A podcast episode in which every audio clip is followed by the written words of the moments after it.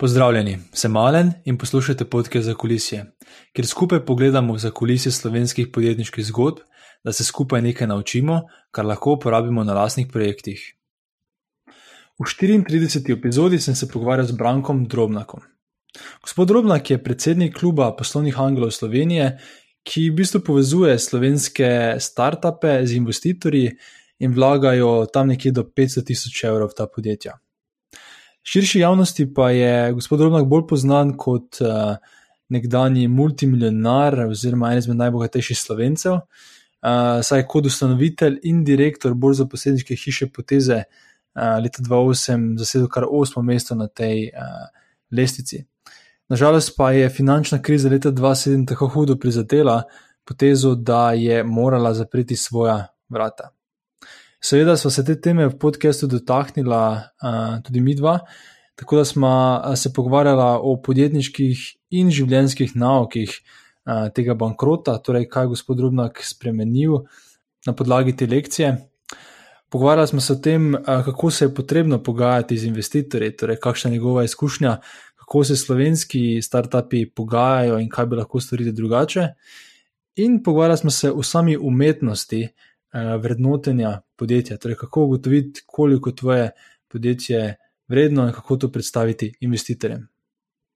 Toliko v vodu, zdaj pa gremo kar v sam pogovor.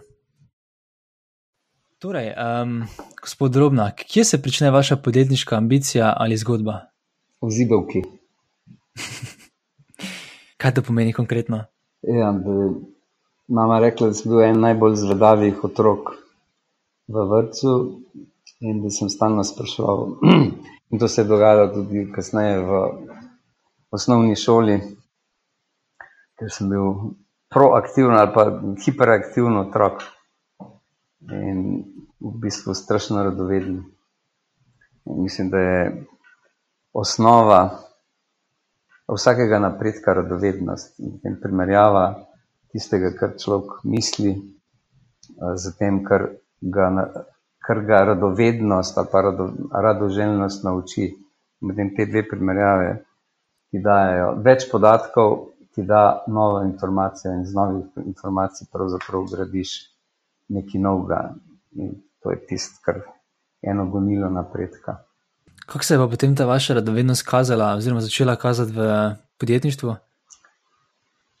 Ja, ta se je pravzaprav začela že zgodaj, nekako občutek, po tem, kaj kdo potrebuje. Ko sem bil v osnovni šoli, je sosed dobil pet tovornjakov starih opek, da bo zgradil hišo in je. In jaz gledam tiste opeke in gospoda, ki te opeke eh, čisti stare malte. In mm -hmm. sem rekel, jaz bi vam pa pomagal, koliko pa plačate za to, za eno opeko. In na koncu smo organizirali celo družščino fantov in smo mu vse, vseh pet tovornjakov opekali, po očistili, zložili. Gospod je bil prezadovoljen, mi smo bili pa tudi prezadovoljni, ker smo imeli za čokolade, pa za sladoled. Pa še čas smo ubili, ker smo imeli, ga imeli preveč na pretekane. Koliko ste bili takrat stari? Pa to je bilo tam enkrat v četrtem, petem razredu. Okay. Teda predvidevam, da je še več takih zgodb. Se spomnite še katere? Ja, ko smo bili v srednji šoli, smo seveda, ko se, se počitnice delali, sem bil v srednji tekstilni šoli in smo imeli takrat še nemški sistem izobraževanja, ker smo bili tri tedne v klopeh, pa en teden na praksi po vseh tekstilnih tovarnah v Mariboru. No in potem kot nadgradnja tega so bile pa počitniška dela, običajno en mesec od dveh mesecev, zato da smo tiste dva meseca prvič preživeli koristno, drugič pa da smo zaslužili nekaj za počitnice. Ko sem delal v recimo pivovarnah, no, nočni izmeni zlagal škatle na palete, škatle polne piva. Tako da sem mal videl, kako to zgleda, ali pa nočni izmeni v tekstilni tovarni v Merinki v Mariboru, ali, ker sem študiral oziroma hodil v srednjo šolo. Da, ne samo teoretično, ampak smo tudi videli praktično, kaj pomeni biti na tovarniškem dvorišču oziroma tovarniškem a, tlaku, ker uh mhm. -huh. je to čist nekaj drugega, kot to, kar so nas učili. To je bila ne, neizmerno dobra izkušnja. Kaj je bilo mogoče potem, po teh takih začetnih projektih, kaj je bilo mogoče eh, prvo tako bolj resno podjetje, ki ste ga sami začeli? Resno podjetje je bil študentski servis Maribor in organiziranje čiščenj novih objektov uh, z študentskimi skupinami. Moji kolegi ali pa celo z srednje šolci, uh, ker je v tistem obdobju 70-ih let, smo bili še v polnem razmahu ekonomskem in smo veliko gradili. In takrat je bilo uh, vprašanje, kdo bo to na koncu čistil, da bo objekt dobil gradbeno dovoljenje, uporabno dovoljenje. In to smo veliko krat delali študenti, recimo čiščenje novih hotelov v Istri, po teh mm. novo zgrajenih turističnih objektih ali pa tudi v Ljubljani, Mariboru ali kjerkoli. No, to je bilo, s tem, smo, s tem sem si jaz zaslužil moj, svoj, moj prvi avto. Bil sicer fičan, ampak je bil avto. Kako ste pa sploh prišli na to idejo? Ha, a, to sem pa prišel na ta način, da moj oče poznal nekoga, ki je bil v gradbenem podjetju in smo v nekem nedeljskem razgovoru prišli do ugotovitve, da mu manjka delavcev in da tiste, ki pa lahko dobi, pa tega ne delajo najbolje ali pa zelo drago. Bolje je bilo vprašanje površnosti, kot pa cene, in da, da išče načine in rešitve. In takrat sem bil že član študentskega servisa a, za izkaznico, in potem je seveda takoj mi preskočila iskra, glede na to, da je bilo obdavčenje relativno malo ali pa skoraj nič, nič ga ni bilo, samo ta 10% na postavko ure, se je takoj pojavila možnost, da, da bo to poceni, da bo pa to kvalitetno, pa sploh ni bilo dvoma, glede na to, da so to bili mladi ljudje voljni delati in voljni zaslužiti, pa seveda v dobri delovni kondiciji. In pa smo, pa je bilo samo vprašanje organizacije, kako posel pridobiti, oziroma kako ponudbo eh, predstaviti, kako uh, ekipo predstaviti in kako to ekipo potem pripeljati uh, celo do, do konca izvedbe posla, da ne bi kdo omagal še preden je bilo uh, vse, kar je moralo biti očiščeno. Zato je mogoče ravno zanimivo, kako vam je uspelo dobiti te posle, glede na to, da niste imeli neke fiksne uh, delovne sile, ne? če ste jo vsakeč znova verjetno našli na študentskem servisu. Ne, to, to, to smo potem naredili, to se so oblikovale uh, skupine in smo, v bistvu sem vedno bil eden od delavcev, nisem jih samo organiziral, ampak sem tudi uh, lepo vzel vso urodje za čiščenje in bil prvi med enakimi v delovni skupini. Skupine so bile pa tako, od 8 do 12 ljudi. Kako vam je uspelo? Uh, rekli ste prej, da glavna težava je bila kvaliteta dela. Ne? In danes ponovadi študentsko delo ravno ne povezujemo z najbolj kvalitetnim delom. Ne? Kako vam je uspelo zagotoviti vseeno kvaliteto? Ja, tako da smo bili zmenjeni, da bomo z naročniki, da bomo dobili plačilo, ko bo narejeno, ne pa na urne postavke. Se pravi, oni so mhm. nam povedali, če očistite toliko kvadratnih metrov, vam bomo dali toliko in toliko nadomestila za vaše delo, na, va, na vas pa je, da to naredite v najkrajšem možnem času, seveda z standardno kvaliteto. In to so pa kontrolirali. Če smo mi naredili 10 prostorov, ali pa 20, so jih pa šli pogledati, so rekli, tole je v redu, to je standard, ki ga zahtevamo, in so nam dali naslednjih 10 prostorov.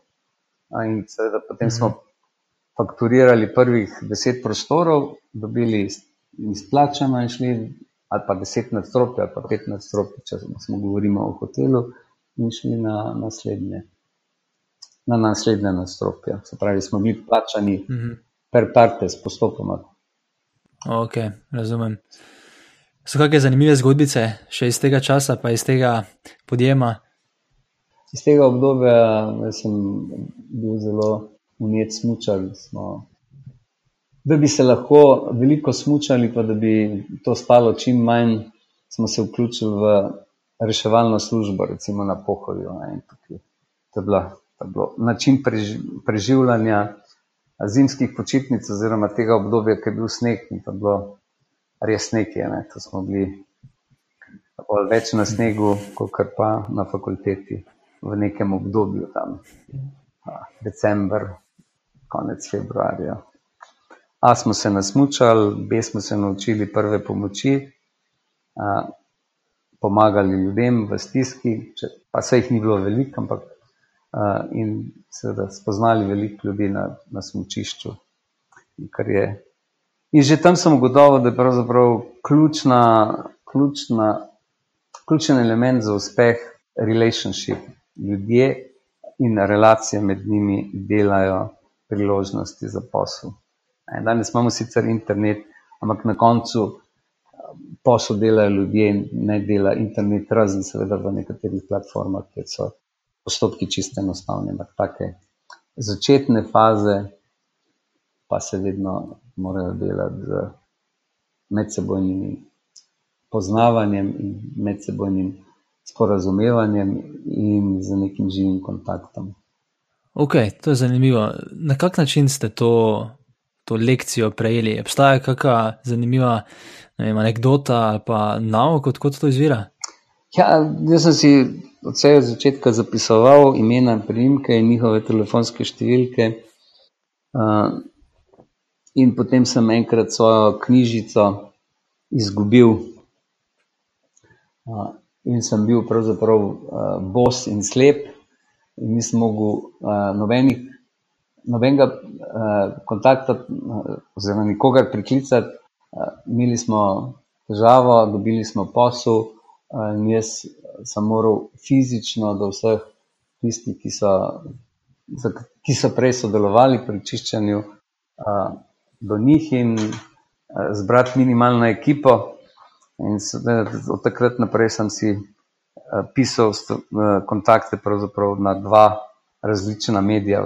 En je bil tak, uh, rekel, shramba, drugi je bil pa operativn, ki sem ga imel stalno pri sebi. En je bil doma, en je bil pa operativno v torbi oziroma z menoj. Takrat seveda še ni bilo mobilnih telefonov in smo morali vedno do prvega fiksnega telefona in od tam klicati, ker pa si lahko mislite, da je to bilo veliko počasneje, ne, kot je to danes. Kako pa danes skrbite za te kontakte? Z Google in produkti. z Google kontakt. Uh, jih imam pa približno 10 tisoč no, v moji bazi. Obstaja kakšen proces za tem? Ne vem. Vsakeč, ko ga spoznate, dodate njegov številko not ali kak drug proces? Ne, tudi moji kolegi ali pa mlajše sodelavce učim. Če ti greš na poslovni razgovor, pa tako kot se to danes dogaja, ne greš brez zvezka, brez svinčnika in danes tudi brez uh, tablice, na katero bi lahko napisal, potem si uh, naredil slabo investicijo svojega časa. Če si zapišeš mhm. glavne stvari in če seveda pustiš sled za svojo vizitko in če oni dovoliš, da oni tebi dajo svojo vizitko, potem si naredil to osnovo. In ko priješ domov, ko jaz prijem domov, je prva stvar, unesem kontakte v Google kontakte in zraven napišem kratek povzetek tega, kar sem zvedel na razgovoru in kar sem imel napisano v zvezku, vedno na razgovoru. Glavne točke beležim. In to sem se pa naučil kasneje v, v prvi službi, ki pa je bila državna uprava. In tam, če kaj bilo dobro, je bilo to, da so vse stvari dokumentirali. In a, je to še kako prav in koristno. Jaz sem danes prav presenečen, ko pridejo start-upi, pridejo na konzultacijo z mobilnim telefonom, ki vse čas zvoni, pa, zvoni, ampak prihajajo mesiči, vmes imate ne odgovarjajo. Ja. In meni so pa prišli po nasvet, kako naj rešijo nek problem. In niso ne v tistem svetu, ne, ne v tem trenutku z mano, ampak nekje vmes. In seveda, ko zapustijo vrata, so pol stvari, pa 30, 80% stvari, niso niti zabeležili, kaj še le, da bi ne pozabili. Da je, so čas, ki so ga, ki sem ga jaz investiral v njej, je bil skoraj izgubljen. Veliko krat se mi to mhm. dogaja, tako da sem zelo presenečen. Pa pol pravim, pa a vi vse to pomnite? Ja, ja, ja, ja, ja seveda, normalno. In ga srečam naslednjič, te vprašam. Pa seveda, jaz se spomnim najnega razgovora, on, pa, on pa ne polnim, se ne more, ne more priklicati, o čem sem se pogovarjala. Če pa ti zapišeš misel takoj, pa potem še enkrat povzameš, uh. -huh ko to preneseš na elektronski medij, si jo dvakrat ponovil v relativno kratkem času, in kot vemo, je ponavljanje mati spomina in spomin pa mati modrosti, to pol uh, skoraj zapečeno. Moram reči, da je to zdaj kar zanimivo, ker je že um, drugi intervju v kratkem času, da se pogovarjamo o delanju zapiskov. In sicer jih Jure Leskovec je govoril o tem, uh, da se mu zdi to izjemno pomembna veščina. Um, teda, zdaj bom malo konkreten, um, kot sem prej omenil. Um, Kako si delate zapiske? Ne vem, obstaja neka veščina, neka umetnost delanja dobrih zapiskov? Ni prav, to ne bom rekel, da je umetnost, ampak je pa rutina, kar pomeni, ko se pripravljaš na sestanek, če ga ti organiziraš, se v bistvu pripraviš, vsaj delno, tako da spoznaš po internetu ali pa po kakšnih drugih medijih s kom, boš, uh, s kom se bo srečal, in seveda uh, definiraš, kaj je tvoj namen. In tvojega namena je, je način postavljanja agende, kar pomeni na začetku sestanka, je treba reči, koliko, ima, koliko imamo časa, kakšna je. Kakšna je, kakšna je predvidena vsebina, uh, in kakšen je namen. In potem enostavno zapišeš, kdo je bil prisoten, kdaj je to bilo, koliko časa je to sestanek trajal in katere teme. Vem, izvajanje ene strani in izvajanje druge strani povzameš v kratkih uh, buletih. Ne? To niso roman, to, ni, to so nevezani stavki. Uh, jaz imam poseben način, da si jih označim, uh, kaj je pomembno kaj treba dati v nadaljne aktivnosti.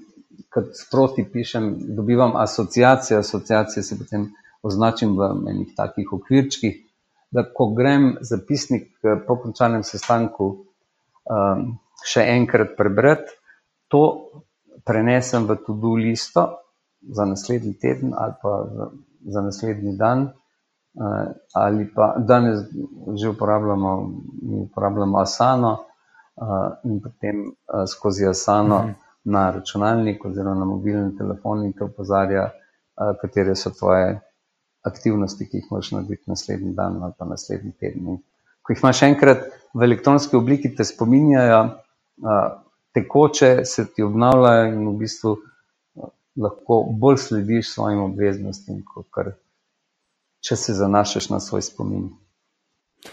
Da smo malo pokritizirali podjetnike, ki pridejo k vam po nasvet, da si ne delajo zapisko. Da imamo še to mogoče malo razširiti. So še kakšne druge zadeve, ki uh, vas motijo pri uh, mladih podjetnikih, ki pridejo k vam po nasvet ali s katerimi sodelujete, oziroma lepše rečeno, če imate kakšne nasvete za njih? Ja. Jaz se spomnim, ko sem bil v državni upravi, jaz sem prvi prišel na neformalna srečanja in ponavadi sem jih zadnji zapustil. In največ na stvari sem se naučil v zadnji tretjini takih srečanj, recimo, da so bili rojstni dnevi, proslave, obletnice. Vsi neformalni, vse neformalne oblike druženja z ljudmi, ki so ogromno znali in vedeli, in ki so imeli izjemen socialni kapital. In jaz sem to dobesedno upijal, kot goba. In to mi je bilo, za me bilo pa doživetje, poslušanje njihovih uh, izkušenj, njihovih uh, slabih, pa dobrih. Uh, trenutkov ali pa uh, anegdot in podobnega. To, to je pomenilo, da je bila druga fakulteta in to ti da potem neke osnove za presojo, ko se ti v podobnih razmerah srečaš, se to prikličeš in v, v tem svojem nezavednem delu uh, bogatiš uh, bazo podatkov za ocenjevanje in presojanje svojih lastnih situacij, ki jih imaš jutra, pa pojutrišnjem. In to je seveda veliko bolj, lahko to narediš danes z filmi, z izobraževanjem, z YouTube uh, predavanji, ampak to je eno, če ti pa nekdo živo razlaga, pa daje kako, feedback, ne, to je, kadar si ti v živo, je to komunikacija dvosmerna. Če ti pišeš po uh, internetu človeku, da mu daješ odpoved, je to uh, grozljivo, ali pa po SMS-u, kot se zdaj na zadnje čase dogaja v Združenih državah, tudi na zelo pomembnih mestih, je pa to uh, strahotno za tisto stran, ki je taka informacija doleti. In se mi zdi, da pomembne stvari je treba delati dvosmerno, kar pomeni po Skypu, če je le možno, ker ti potem usklajuješ um, eno stališče z drugim in beseda ne obvisi v zraku. Če pa ti neko trditev postaviš na, v e-mail in ta e-mail nekdo prebere v nekem drugem čustvenem stanju, ki ni primerno za to informacijo, ki sem jo poslal, to lahko konec uh, medsebojnega odnosa. In to veliko krat in potem dobiš nazaj, mm -hmm. ho, hostile mail, in ti sploh ni jasno, zakaj. Zato, ker uh, je tvoja informacija, mogoče niti ni bila grozna, ampak v trenutku, ko je on prejel, se je pa zdela zelo grozna. In potem se to lahko samo stopnjuje. Zdaj le vidimo, kako ta mehanizem deluje uh, na zelo globalnem nivoju uh, pri gospodu Trumpu. Ne. On, ko tvitne, je množica ljudi to dobi v najrazličnejših čustvenih stanjih, z najrazličnejšimi miselnimi vzorci in to tako odsekano in tako groteskno, ima tako negativne vplive, da to da že več ali manj vsi čutimo. To, to ni način komuniciranja, če mhm. hočeš doseči uh, nek pozitiven rezultat. Ja, če si v destrukciji, potem ja, če si pa v fazi grajenja, ko se stvari ne gradijo. Mhm. Predvidevam, da ta nasvet, torej za dvosmerno komunikacijo, izvira iz nekih določenih situacij, ki ste jih doživeli. Se mi zdi zanimivo, če lahko mogoče delite en, dva primera, tako da si malo bolj samo urišemo, zakaj je to pomembno, pa kaj so ponovadi ja, stvari, ja, recimo, ki jih. Da se pogajava o ceni. Če se mi dva pogajava, tako kot zdaj le po telefonu o ceni, ima seveda vsak možnost povedati argument, zakaj svojo storitev ceni tako kot. Malo prej sem se z kolegom pogovarjala, poklical me je nekdo, ki nujno potrebuje 200 tisoč evrov, zato da bi lahko speljal projekt 2 milijona. In ta 2 milijona pomeni, da bo dobil 2 milijona nepovratnih sredstev od države, pa ne slovenske, ampak romunske in išče v Sloveniji 2 milijona, ker je to štartna, njegova lastna participacija, da bo lahko dobil 2 milijona evropskih sredstev. Nevr, nevračljivih, se pravi, granta, še en gnar po slovensko.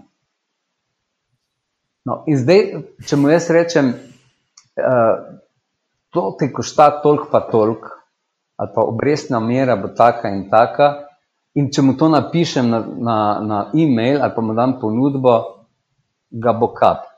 Če pa se mi dva pogovarjava in mu jaz rečem, koliko je za tebe pomembno, da dobiš ta projekt.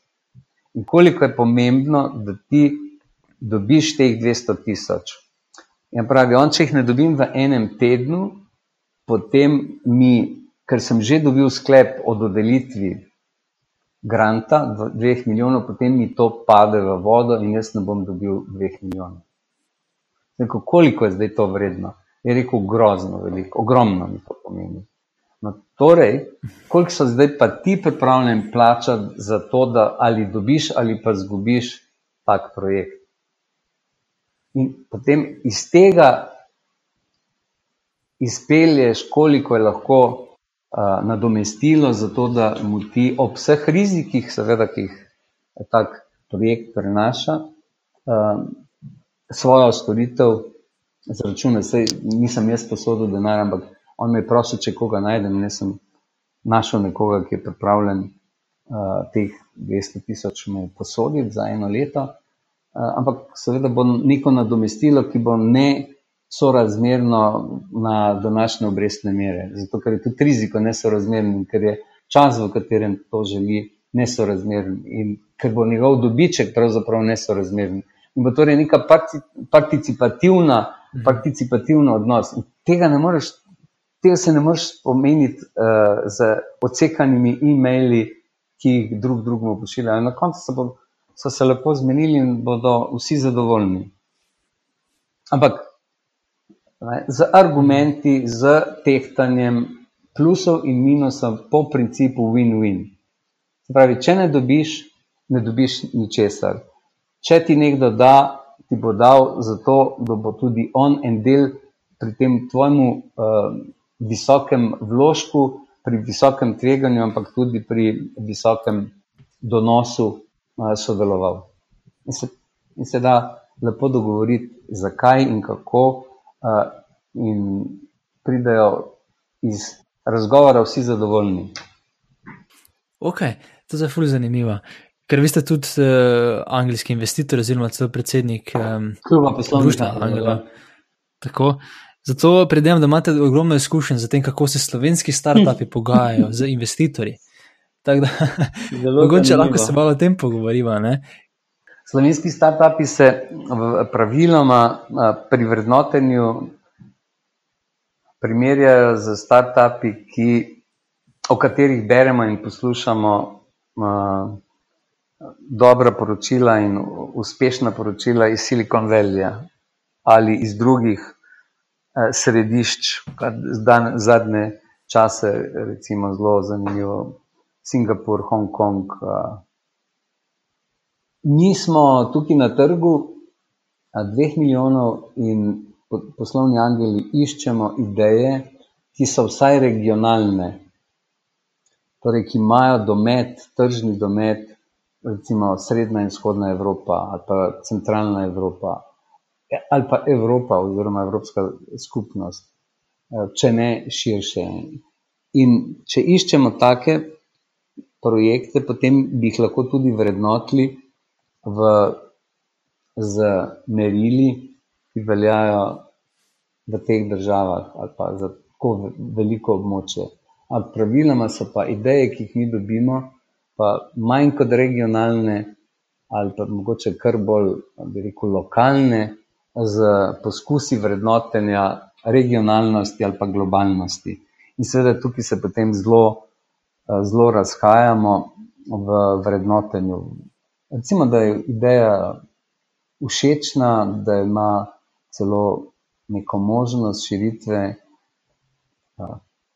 seveda ob predpostavki trdega dela in popolnega fokusiranja, moramo vedeti, da start-up scena to ni poklic, to ni služba, to je način življenja. Če ni nekdo popolnoma predan, dan in noč, 365 eh, dni, ne more pričakovati rezultata. In če grem v tehnološki park v Ljubljani in so luči ugasnjene ob šestih zvečer, to pomeni, da je tam zelo malo predanosti, z redkimi izjemami, tisti pa pa tudi uspejo. No, ampak nazaj, vrednotenje, imamo težave z vrednotenjem, ki ga zdaj zadnje čase premagujemo s tem, da na mesto fiksnega ocenjevanja vrednosti damo razpon od do v času vstopa in da rešujemo to z tako imenovanimi konvertibilnimi krediti, ker se vplačila dajo skozi tranše, glede na doseganje mestnih, mestnih stopenskih rezultatov. in se potem v roku dveh let, pa lahko tudi prej, ta kredit spremeni v lastništvo oziroma v solastništvo po neki formuli, po naprej določeni. Če je startup dosegel rezultate, ki, ki jih je predvidel na začetku, ob sklenitvi pogodbe, na, ali pa celo presegel, potem je delež, ki ga dobijo angeli oziroma investitorji manjši. Če pa je rezultat slabši, se pravi, da je vrednotenje podjetja po dveh ali po treh letih nižje od tistega, kar smo pričakovali ob sklenitvi pogodbe, potem pa seveda delež, ki ga dobijo investitorji, večji. In to je edino, to je, to je edino normalno, ker res je težko gledati v stekleno kroglo o podpisu pogodbe, ali se bodo vse stvari uresničile. Oziroma, lahko rečemo, da se ne bojo 70%, če se 70% napovedi iz poslovnega načrta uresniči, je to izjemno, praviloma je to pod 50. Lahko damo nek konkreten primer uh, za to, kar ste zdaj povedali. Seveda, ni treba govoriti o imenu, pa ni treba točnih številk povedati, ampak tako, samo da imamo neki približen okvir, o čem se pogovarjamo. Hmm, kako to misliš? Ja, naprimer, um, podjetje, ki pride za vas in ocenjuje, da je vredno 2 milijona evrov v tem trenutku. Uh, ima toliko in toliko strank, no, kako se potem dogovorite? Konkretno, startup, Mm. ki ima okrog 600, 600 tisoč evrov prihodkov. V lanskem letu je naredil recimo 70-80 tisoč evrov dobička, kar pomeni, da je že break-even, je že šel čez mm -hmm. to, da pokrije vse stroške za prihodki, celo več, naredil je a, dobiček. A, ampak potem je išče investitorje v zelo, ta trenutek zelo popularni dejavnosti. In to je področje alternativ, dodatkov v, k prehrani.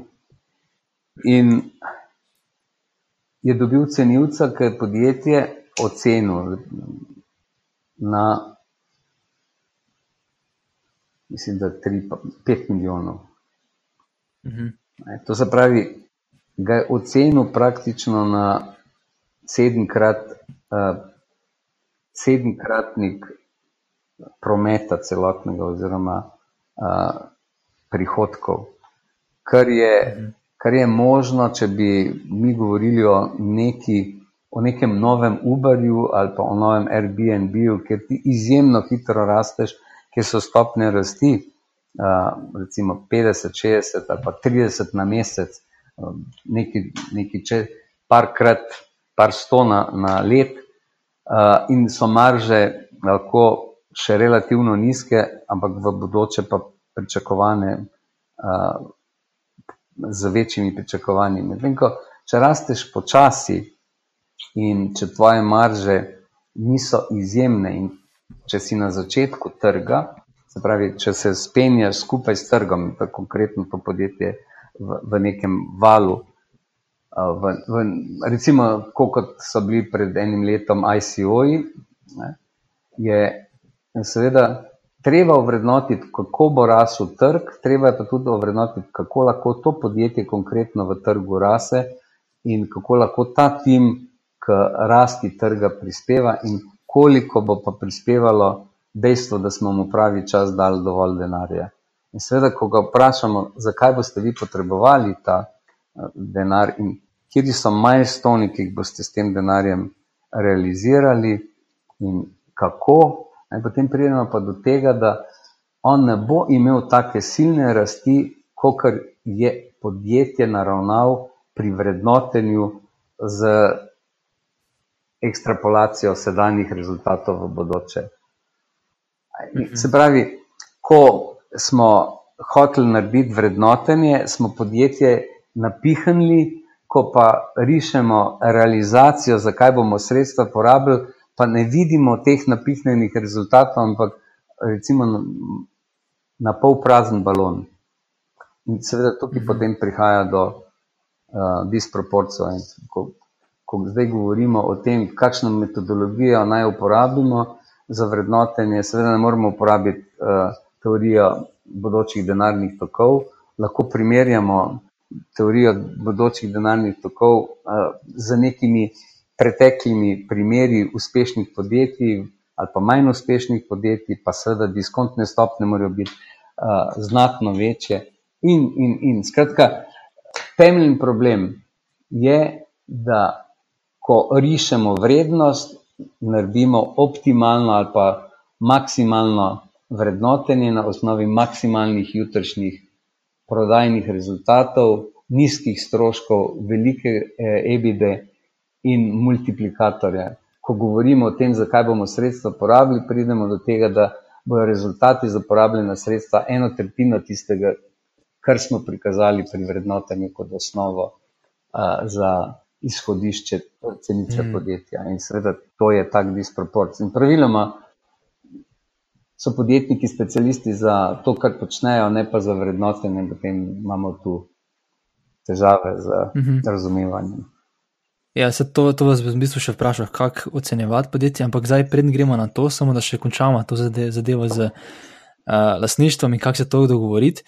In se zdaj, naprimer, za to podjetje, ne, ko ima 600 tisoč evrov prihodkov, pa 70 tisoč evrov profita, se ocenjuje na 5 milijonov.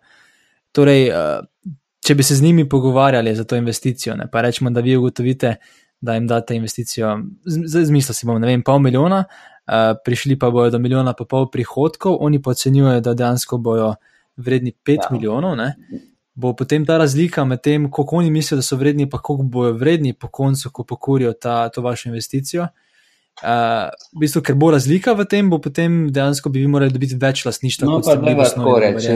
Če oni iščejo 500 tisoč evrov, obvrednotenju 5 milijonov pomeni, da če bi jim nekdo danes dal 500 tisoč evrov, bi dobil za to 10% delež v podjetju.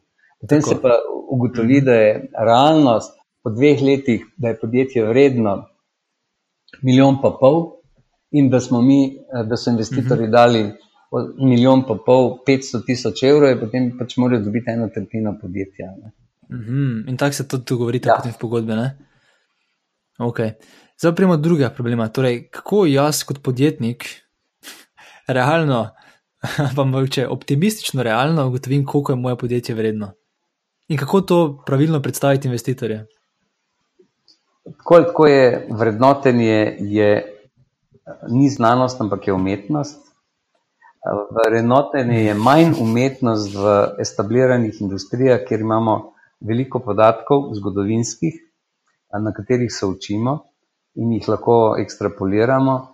Medtem ko v startupih je naj, najbolj elementarna oblika prav, vrednotenja pravzaprav primerjava enega startupa z podobnimi startupi iz preteklosti. Mi smo recimo imeli podjetje ACS Bio, v katerega sem jaz investiral pred desetimi leti in je še vedno v fazi biotehnologije, je še vedno v fazi uh, startup fazi in smo dobili lani investitorja iz Kitajske in kaj je on ocenil? On je ocenil potencial A, kadrov in znanja teh ljudi, opremo, opremljenost in postopke, ker je zaposlenih 40, od tega 20 doktorjev znanosti, je ocenil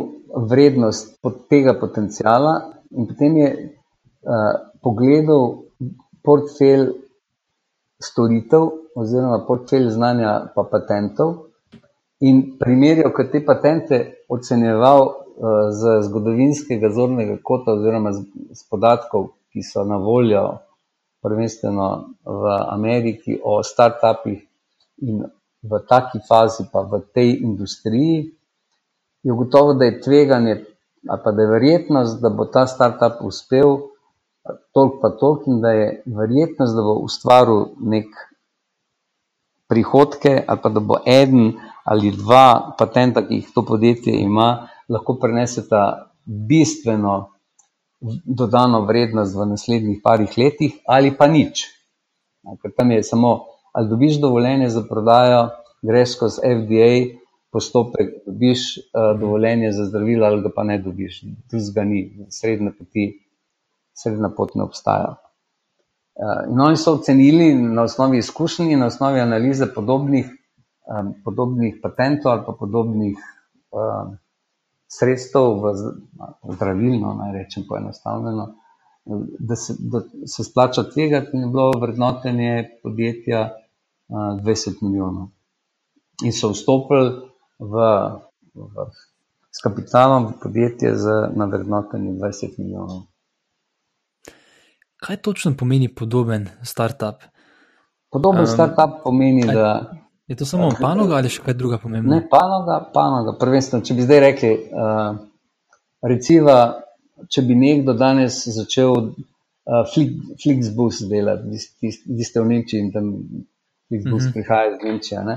In bi nekdo rekel, jaz bom pa zdaj delal regionalni Flix. Um, Bus v centralno in vzhodno Evropo, zdaj je že prepozno. Ne? Ali pa nekdo bi rekel, jaz bi pa zdaj nekaj podobnega, kot je bla, bla, delal v našem, našem področju. Ali pa nekdo v Rusiji bi se spomnil, da, da je tam enaka priložnost in bi začel integrirati avtobusna podjetja v Rusiji.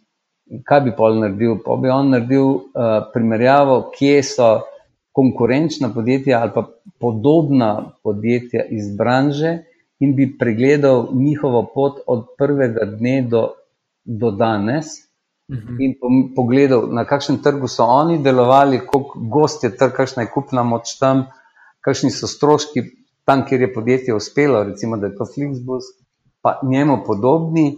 In potem bi te razmere primerjal z ruskimi razmerami, in bi rekel, da ja, pri nas je to malce drugače. Bom na področju Leningrada ali pa na področju Moskve, je to zelo podobno, eh, kot je v Porurju.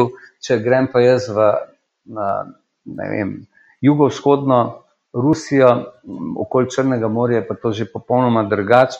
In na osnovi tega se potem naredi neka primerjava, ki, ki je, kolikor se da, empirična, pa matematična, seveda v dobršni meri je pa stvar ocene. Če vzamem zdaj le primer ocenevanja ICO-jev, ki so se zdaj le popolnoma spremenila. Ne. Ta trenutek uh, je zelo težko dobiti denar za nove ICO-je, in se stvar počasi preveša v,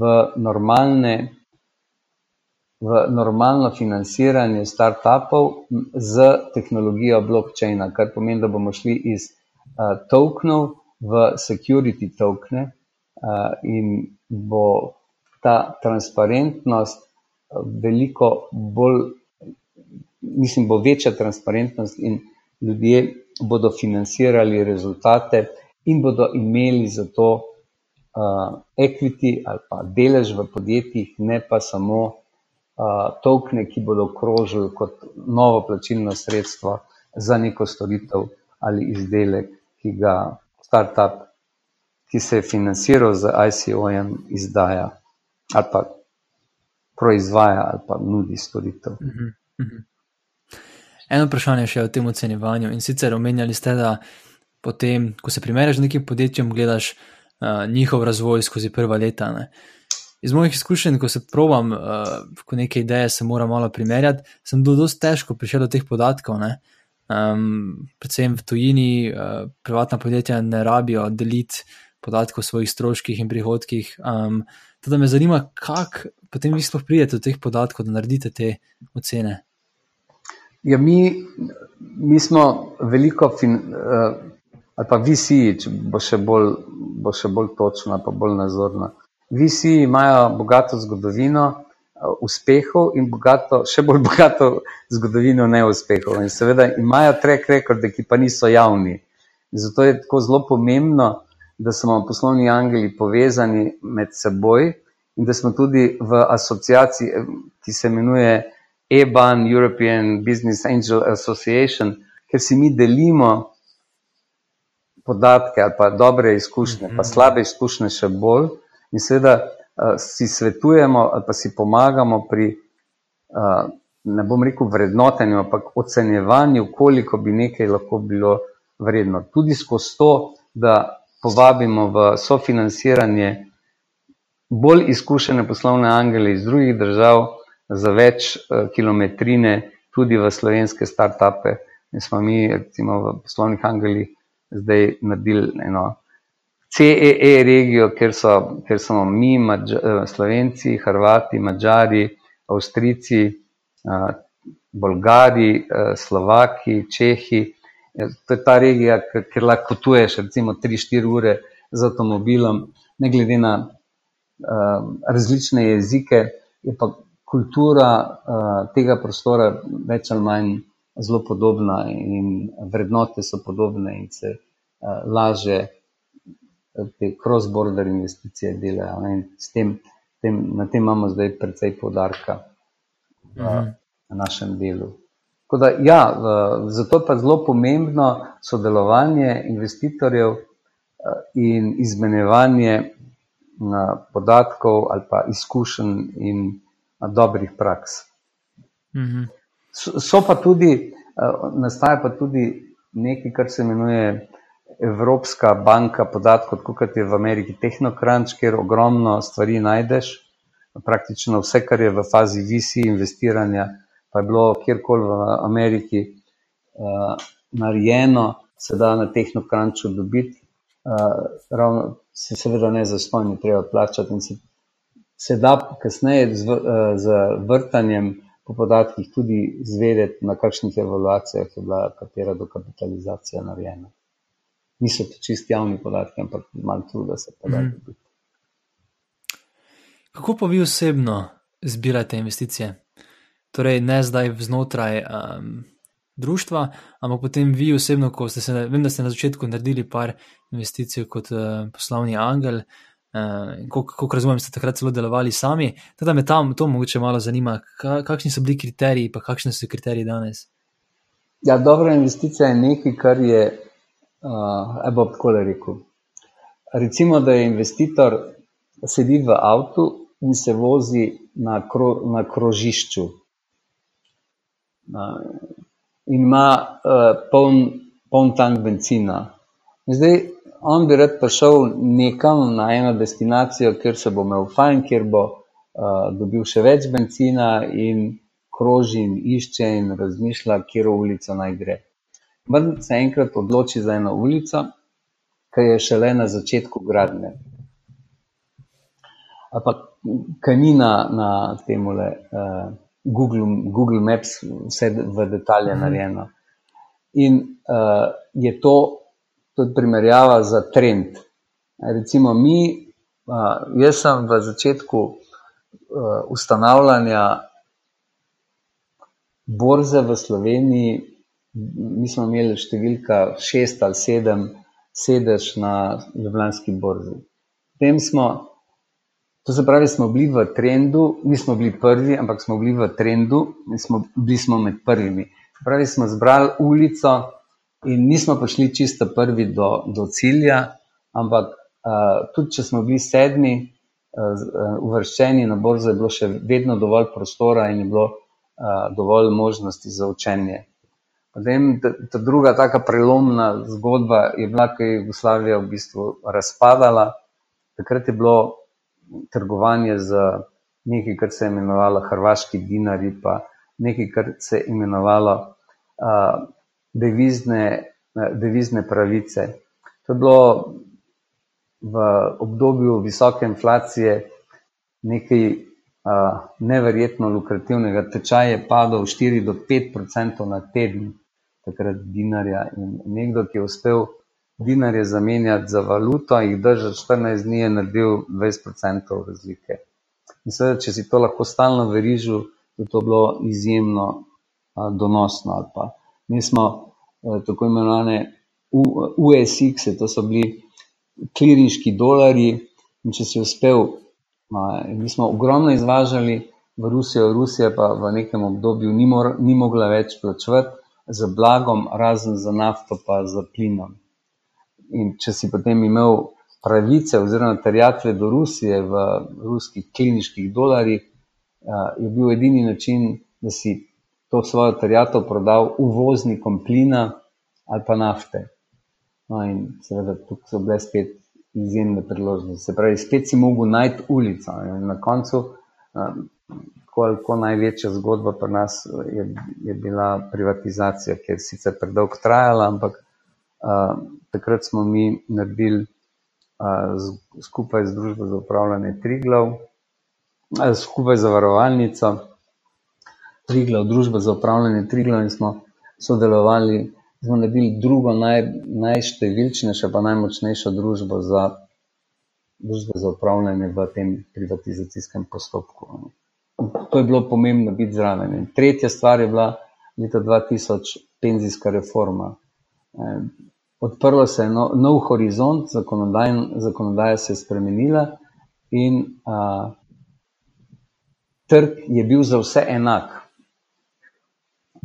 Vsi smo štartali iz iste štartne točke, banke, zavarovalnice in vsi drugi uh, igravci. In smo štartali, seveda, z različnimi finančnimi podlagami, ampak kljub temu z relativno enakimi možnostmi za uspeh. Ta pa je bil odvisna od prilagodljivosti, od razumevanja produkta in od, od kvalitete storitve. Ne toliko a si bil zavarovalnica, si bil banka, si bil kdo drug. Tako da pomemben, pomemben občutek za trend in biti v trendu. Če si sledilec, je hudo, takrat moraš imeti zelo velik um, resursov, da uspeš, če si v, skupaj z drugimi, seveda nikoli nisi sam v štartu, ko se trend začne, da imaš veliko možnost za uspeh. No, Slovenci smo sigurno zdaj na špici per capita v trendu uporabe blockchaina, vsaj v privatnem sektorju. Ne vem, kako bo to v javnem sektorju, mogoče bomo uspeli to implementirati tudi uh, v javnem sektorju. In ta silna ustvarjalnost slovenska se kaže tudi na to, koliko projektov smo mi prijavili in znali financirati, oziroma dobili financiranje v ICO-jih, ki se zdaj pa tem, temeljito spremenjajo.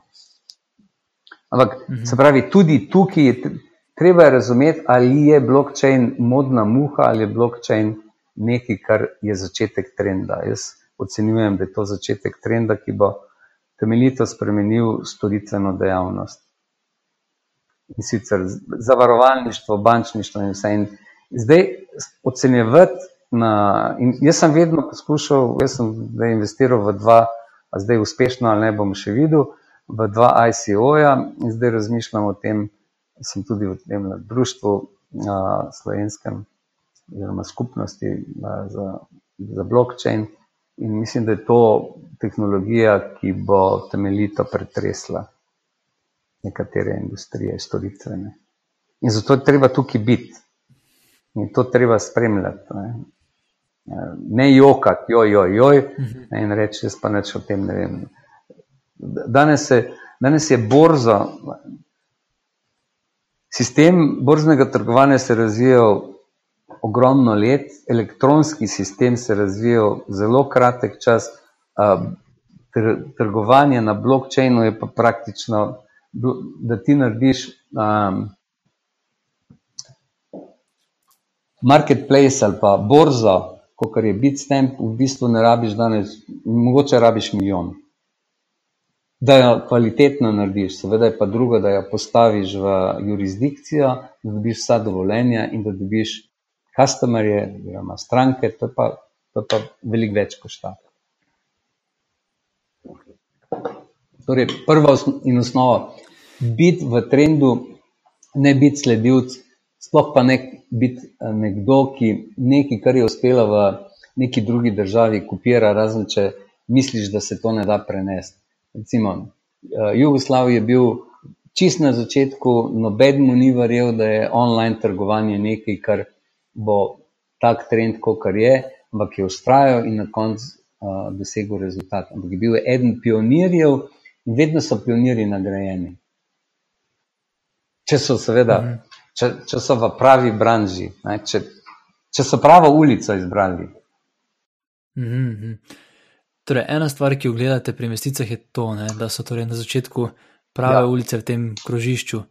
Zdaj predvidevam, da pride do vas več podjetij, ki imajo različne ulice iz tega krožišča. Kako se potem znotraj teh ekip, ki so na pravem trendu, odločate, v katero? To je po glavnem potem, uh, po, po ljudeh, ki vodijo projekt oziroma idejo. Ker konec koncev uh,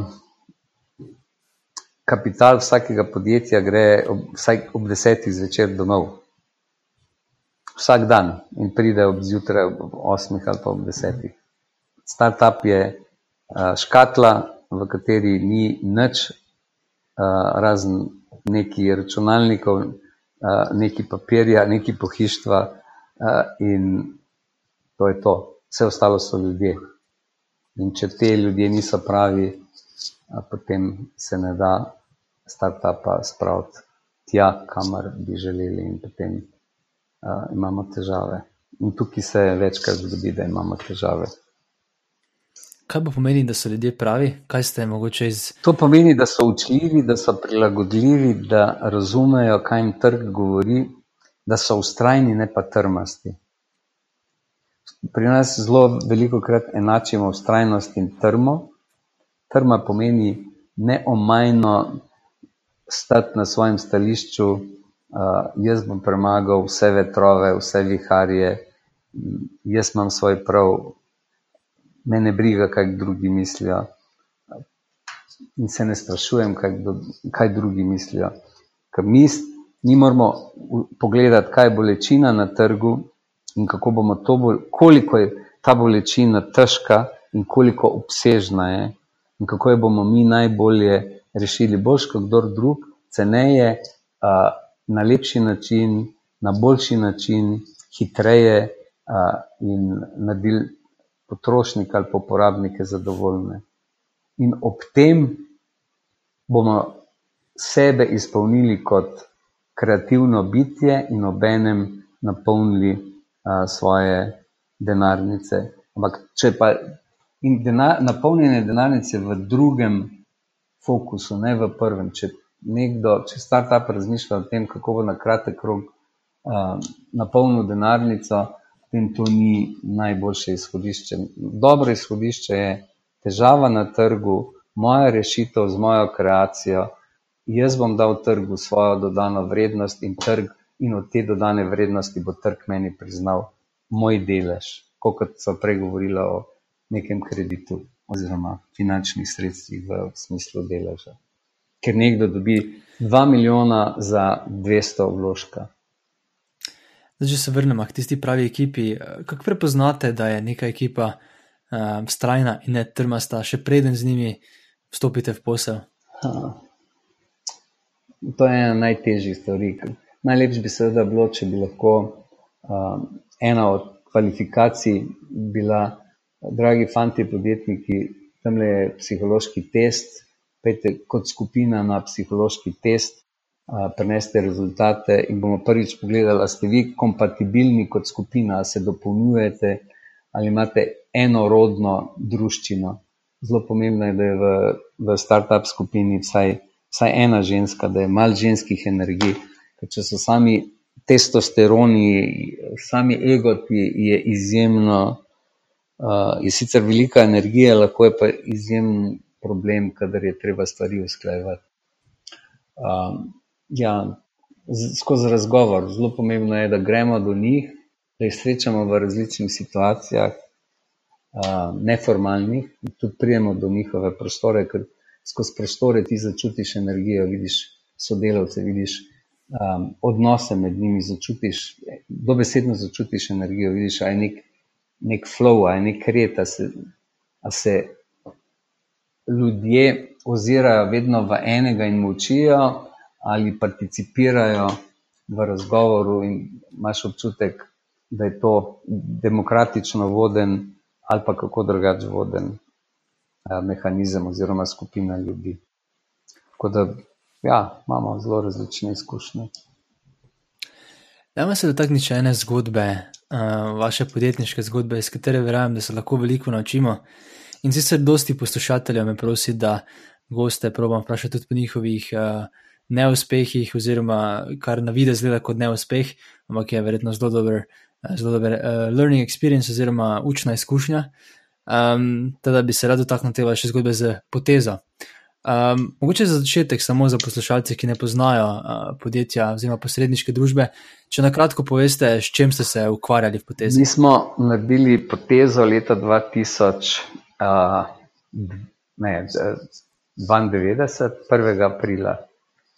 Začeli smo z trgovanjem z temi evidenčnimi deviznimi pravicami, ki sem o njih prej govoril, se pravi pravice do nakupa deviz in do nakupa uh, blaga v Rusiji, ki je bilo na osnovi clearinga izvoženo potem kasneje z tako imenovanimi hrvaškimi dinari, ki je, so bile neke obligacije med Slovenijo in Hrvaško, ker smo imeli veliko mednarodne menjave in kasneje uh, z vrednostnimi papirji na borzi. Potem pa skozi privatizacijo smo začeli se ukvarjati v bistvu z investicijskim bankirstvom.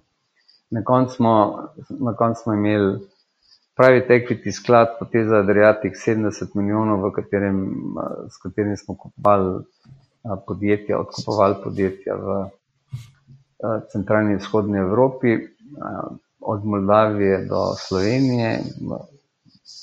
V to podjetje je vložil celo IMF, uh, oziroma črka od IMF-a uh, in IFC, in uh, to skoraj 20 milijonov. Uh, potem smo naredili še en sklad za nepremičnine, pa enega za tvegan kapital, kasneje smo naredili uh, pokojninsko družbo, bili smo soodeleženi, jaz sem bil tri leta, štiri v družbi za upravljanje, tri glav, so ustanovitelji in pravzaprav eden od očetov tega projekta.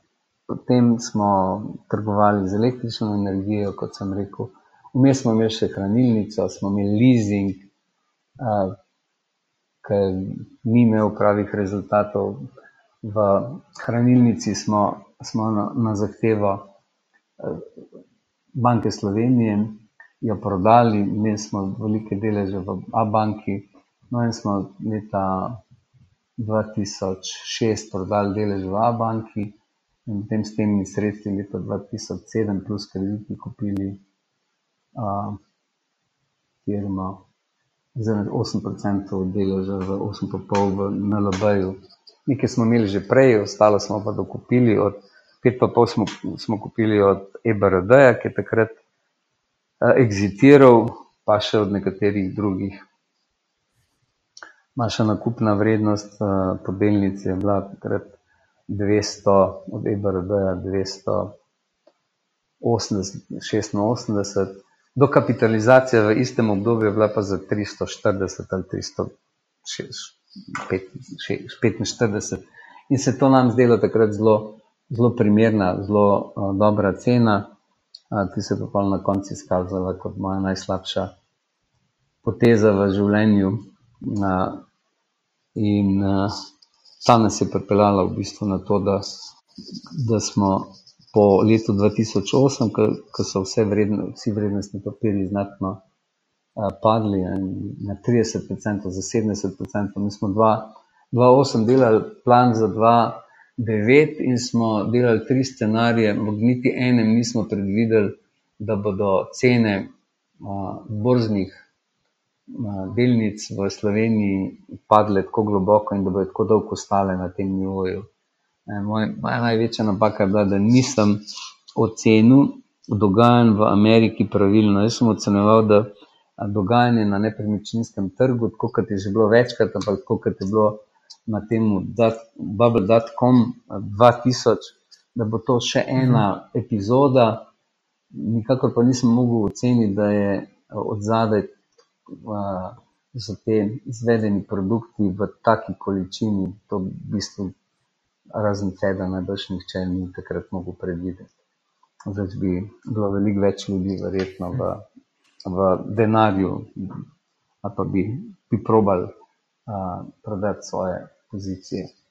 Ko pa se do, let, do konca oktobra noben ni pričakoval kaj tega, vsi smo verjeli, da je vse normalno in da bodo to američani rešili znotraj svoje hiše ampak stvar je plusnila uh -huh. že čez Atlantik in ko se je to zgodilo, so te poison assets bili pravzaprav v vseh bankah. In, ker so banke med sabo si posojale, prvenstveno takrat so Japonci zelo poceni posojali denar so zalili cel svet za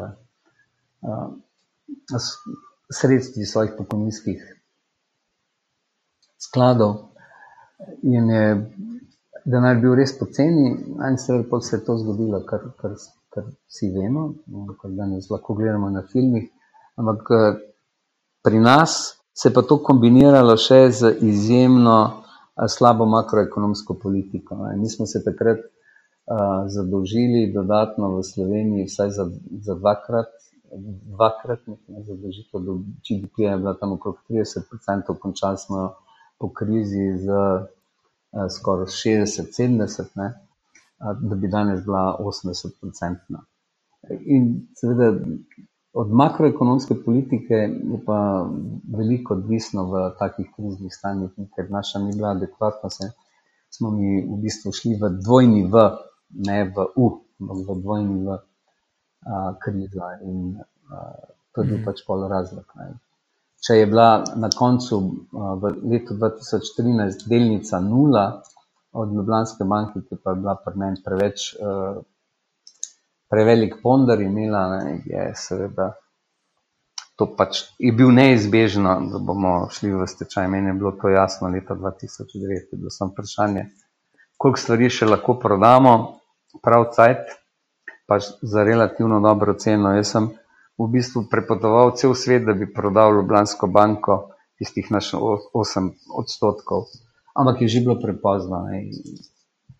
Mi smo sicer imeli od Apaxa leta 2009 v, v spomladi še ponudbo, ampak ne samo mi, tudi država, da proda večinski delež, pa se takrat nov režim ni odločil, da bi to prodal in potem je na koncu nov režim, nova vlada. Franci, Franci Križanič, takrat finančni minister. Uh, je rekel, to je dragulj in ta dragulj je danes sanacija. Sanacija tega dragulja je koštala 5 milijard, slovence. Takrat bi jo prodali mogoče za 240 evrov po, po delnici. Ne bi ta problem nosil nekdo drug. No, ampak to je zdaj že zgodovina. Kaj, bi, kaj, kaj pa je učna ura? Učna ura je, ja, da poskuši,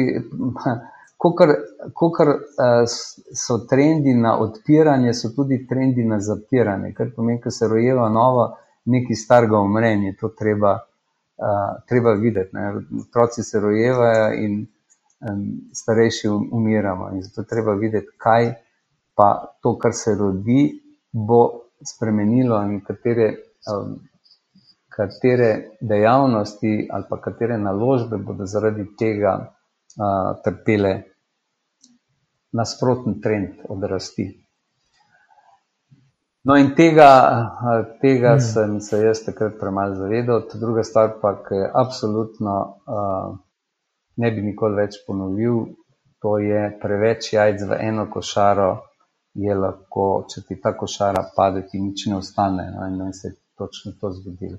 Smo prevelik ponder na treh, štirih investicijah, ki so bile vse v tistem trenutku uh, ena A, um, Blue Chipi, to je bila Ljubljanska banka, to je bila zavarovalnica Triglav, to je bila pozavarovalnica Sava, to je bila pokojninska družba.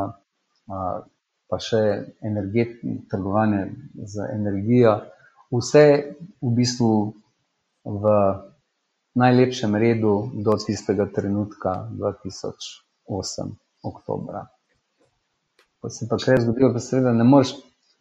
Ja, bili so signali, ki jih nisem razumel, in zato je dobro ne biti preveč zaverovan, poslušati okrog sebe, mogoče tam, da poslušaš. In, ampak je bilo premalo poslušati, še videti, pa še prebrati, pa še ne bi prišel do tega. Jaz mislim, da zdaj sem veliko bolj previden in gledam najmanjše signale, ki bi lahko pomenili uh, konec tega razcveta, ki je ta trenutek, in v bistvu prilagajam svoje naložbe na to, kar se bo, kar, kar bi znala preživeti tudi najhujši brodolom.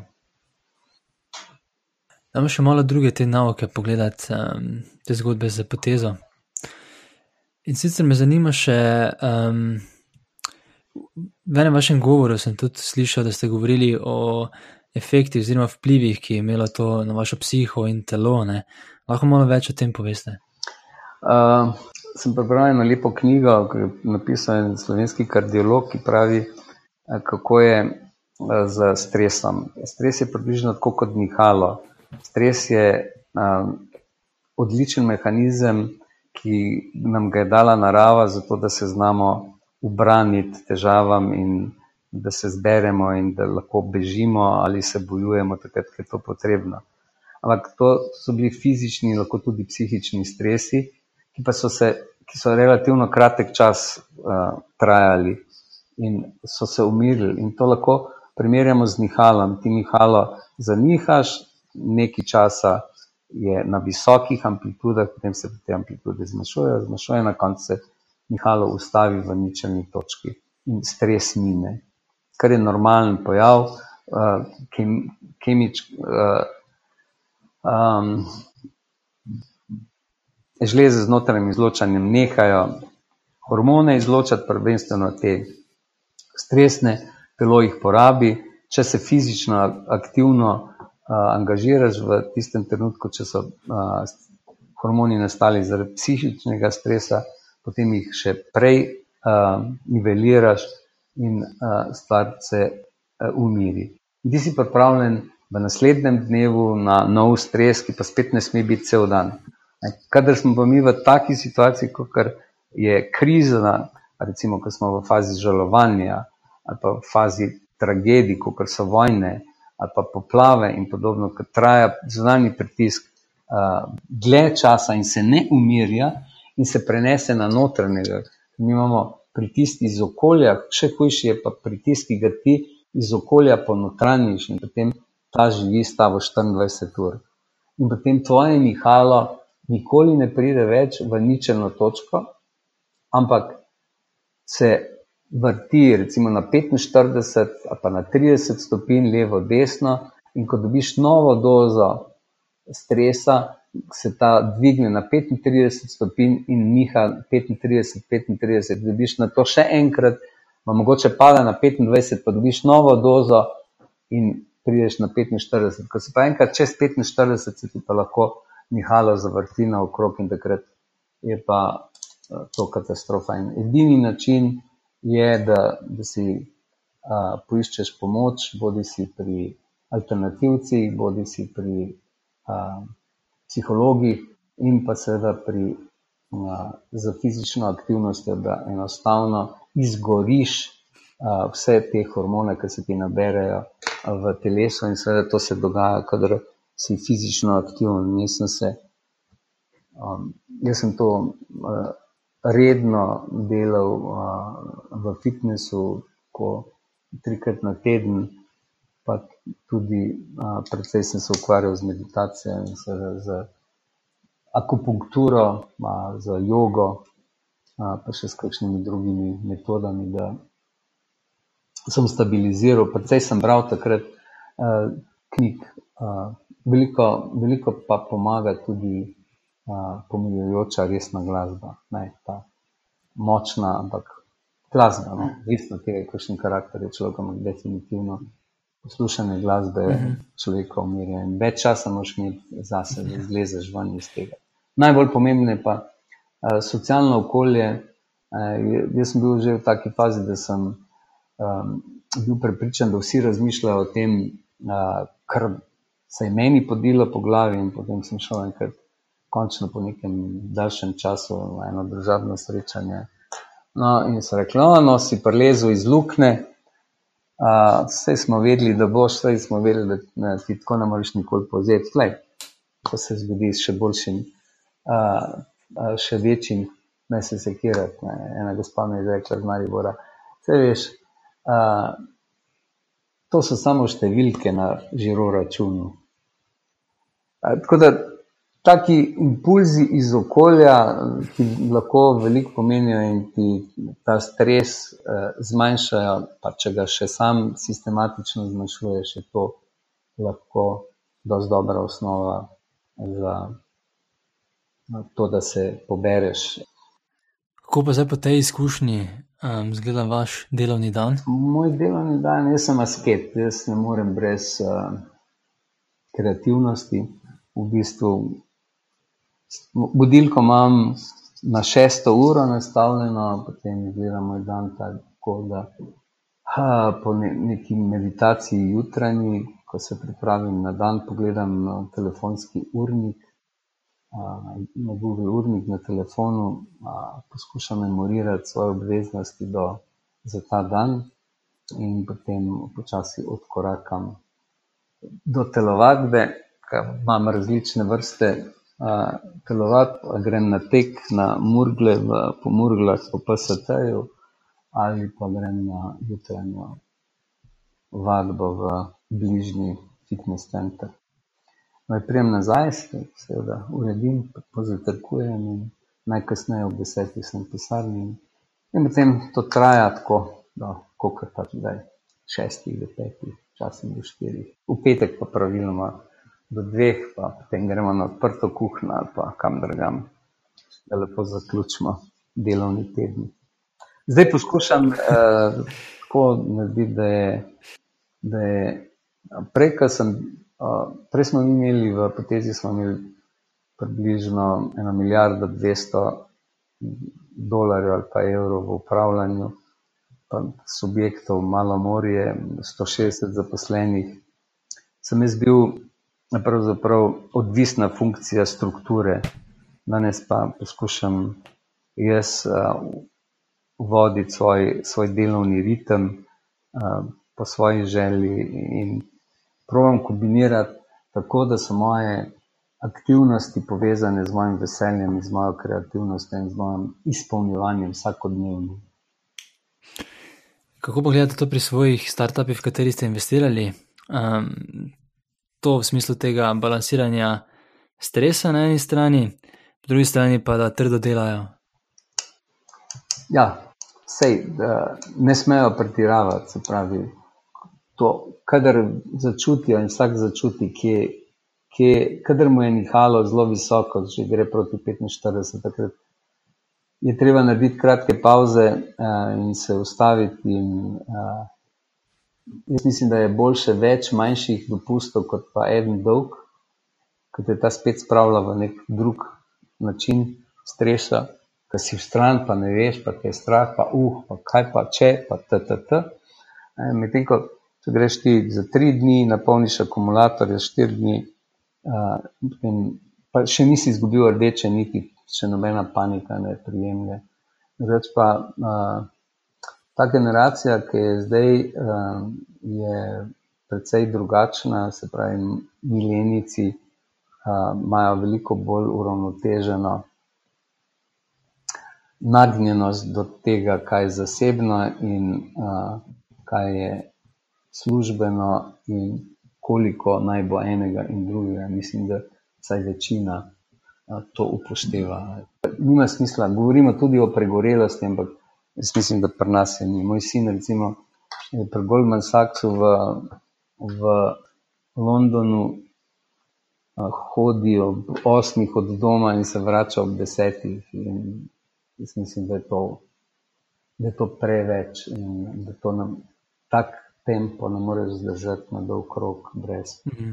resnih posledic, kot ne človek ni jeklo.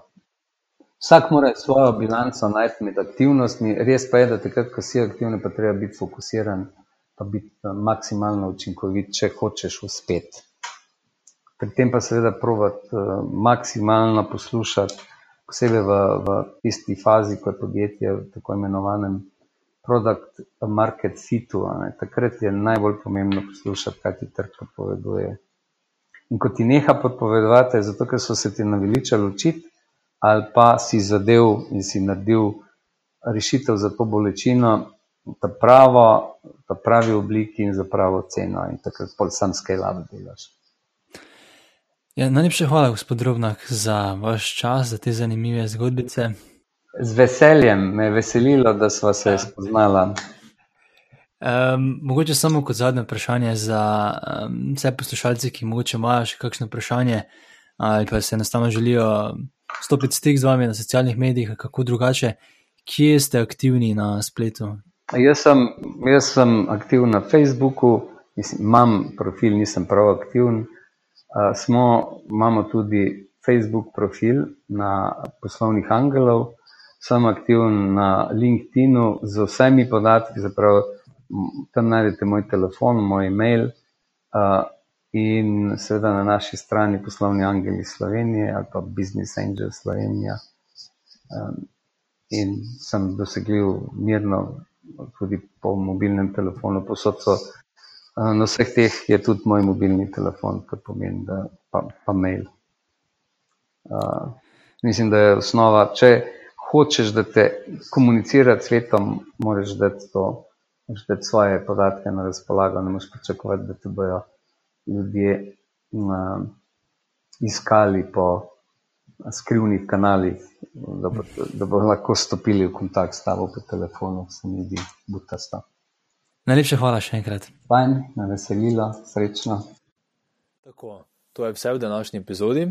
Če ti podcast za kulise všeč, te vabim, da se prijaviš na mailing listu na zakulisi.com, da boš obveščen ob objavi naslednje epizode. A ja, pa hvala vsem, ki ste oddali ocene in komentarje na iTunesu. Za tiste, ki pa še tega niste naredili, vas vabim, da mi tako pomagate razširiti besedo o tem projektu, saj z vsako ceno in komentarjem iTunes boljše nagira podcast in ga potem lahko odkriješ več ljudi. Projekt lahko tudi finančno podprete. Trenutno sem ravno v procesu nakupa boljše audio opreme, da lahko zagotovim še boljši zvok in s tem izkušnjo za vas, poslušalce. Ta oprema ni poceni tako da vsaka pomoč prav pride.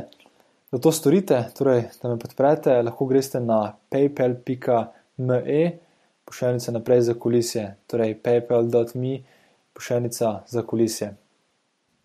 Hvala še enkrat in se slišimo v kratkem.